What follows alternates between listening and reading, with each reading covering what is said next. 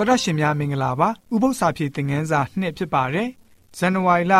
2ရက်ကနေ10ရက်အထိလေ့လာသွားမယ့်ဥပု္ပ္ပစာဖြည့်သင်ခန်းစာရဲ့ခေါင်းစဉ်ကြီးကတော့ကက်ကလာ၌ခေါင်းဆောင်မှုဖြစ်ပါတယ်ဖတ်အမဲ့ကျမ်းချက်တွေကတော့ဟေရှာယနာဂတိကျမ်းခန်းကြီး6ငယ်1ကနေ4ဟေရှာယနာဂတိကျမ်းခန်းကြီး6ငယ်9ကနေ9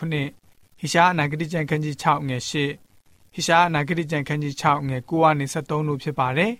အဓိကကျမ်းချက်ကိုတော့ဟေရှာယနာဂတိကျမ်းခန်းကြီး6ငယ်1မှာတွေ့နိုင်ပါတယ်။ အောဇီမင်းကြီးအနေဆရောက်သောနှစ်တွင်ထထဖျားသည်အလွန်မြင့်မြတ်သောပလင်ပေါ်မှထိုင်တော်မူသည်ကိုငါမြင်၏အဝတ်တော်တစားသည်ဗိမာန်တော်ကိုဖြည့်လေ၏ဆိုပြီးတော့ဖော်ပြထားပါတယ်။ Confucius ဘုရင်ကိုသူ့ရဲ့တပည့်တယောက်ကမေးခွန်းမေးခဲ့ပူးပါတယ်။ဘုရင်ကြီးတိုင်းပြည်ရဲ့အုပ်ချုပ်ရေးမှာအလိုအဆုံးအရာတွေကဘာများဖြစ်မလဲ။ဒီလိုနဲ့ Confucius ဆိုလို့ရှိရင်ဘယ်လိုမျိုးပြန်ပြီးတော့ဖြေကြားခဲ့လဲဆိုတော့တိုင်းပြည်ရိတ်ခါလုံလောက်ရမယ်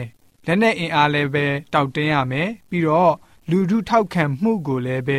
ရရှိဖို့လိုတယ်ဆိုပြီးတော့ပြန်ဖြေလိုက်ပါတယ်ဒါပေမဲ့သူ့ရဲ့တပည့်ကဘယ်လိုမျိုးဆက်မေးလဲဆိုတော့ဘရင်ကြီးအနေနဲ့အဲ့ဒီအရာတွေထဲက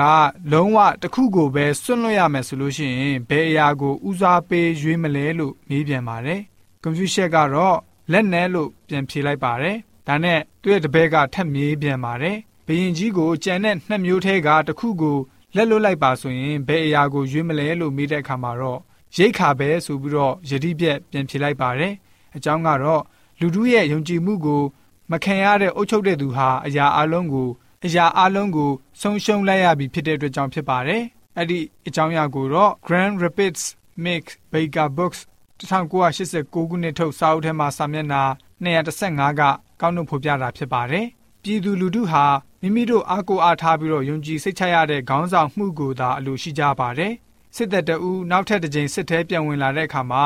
လက်ခံတဲ့သူအရာရှိက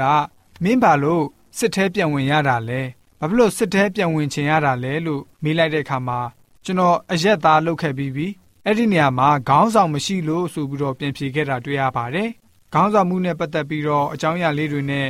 ဥပုံနဲ့ဥပု္ပ္ပစာပြေသင်ခန်းစာကဖော်ပြပေးထားပါတယ်။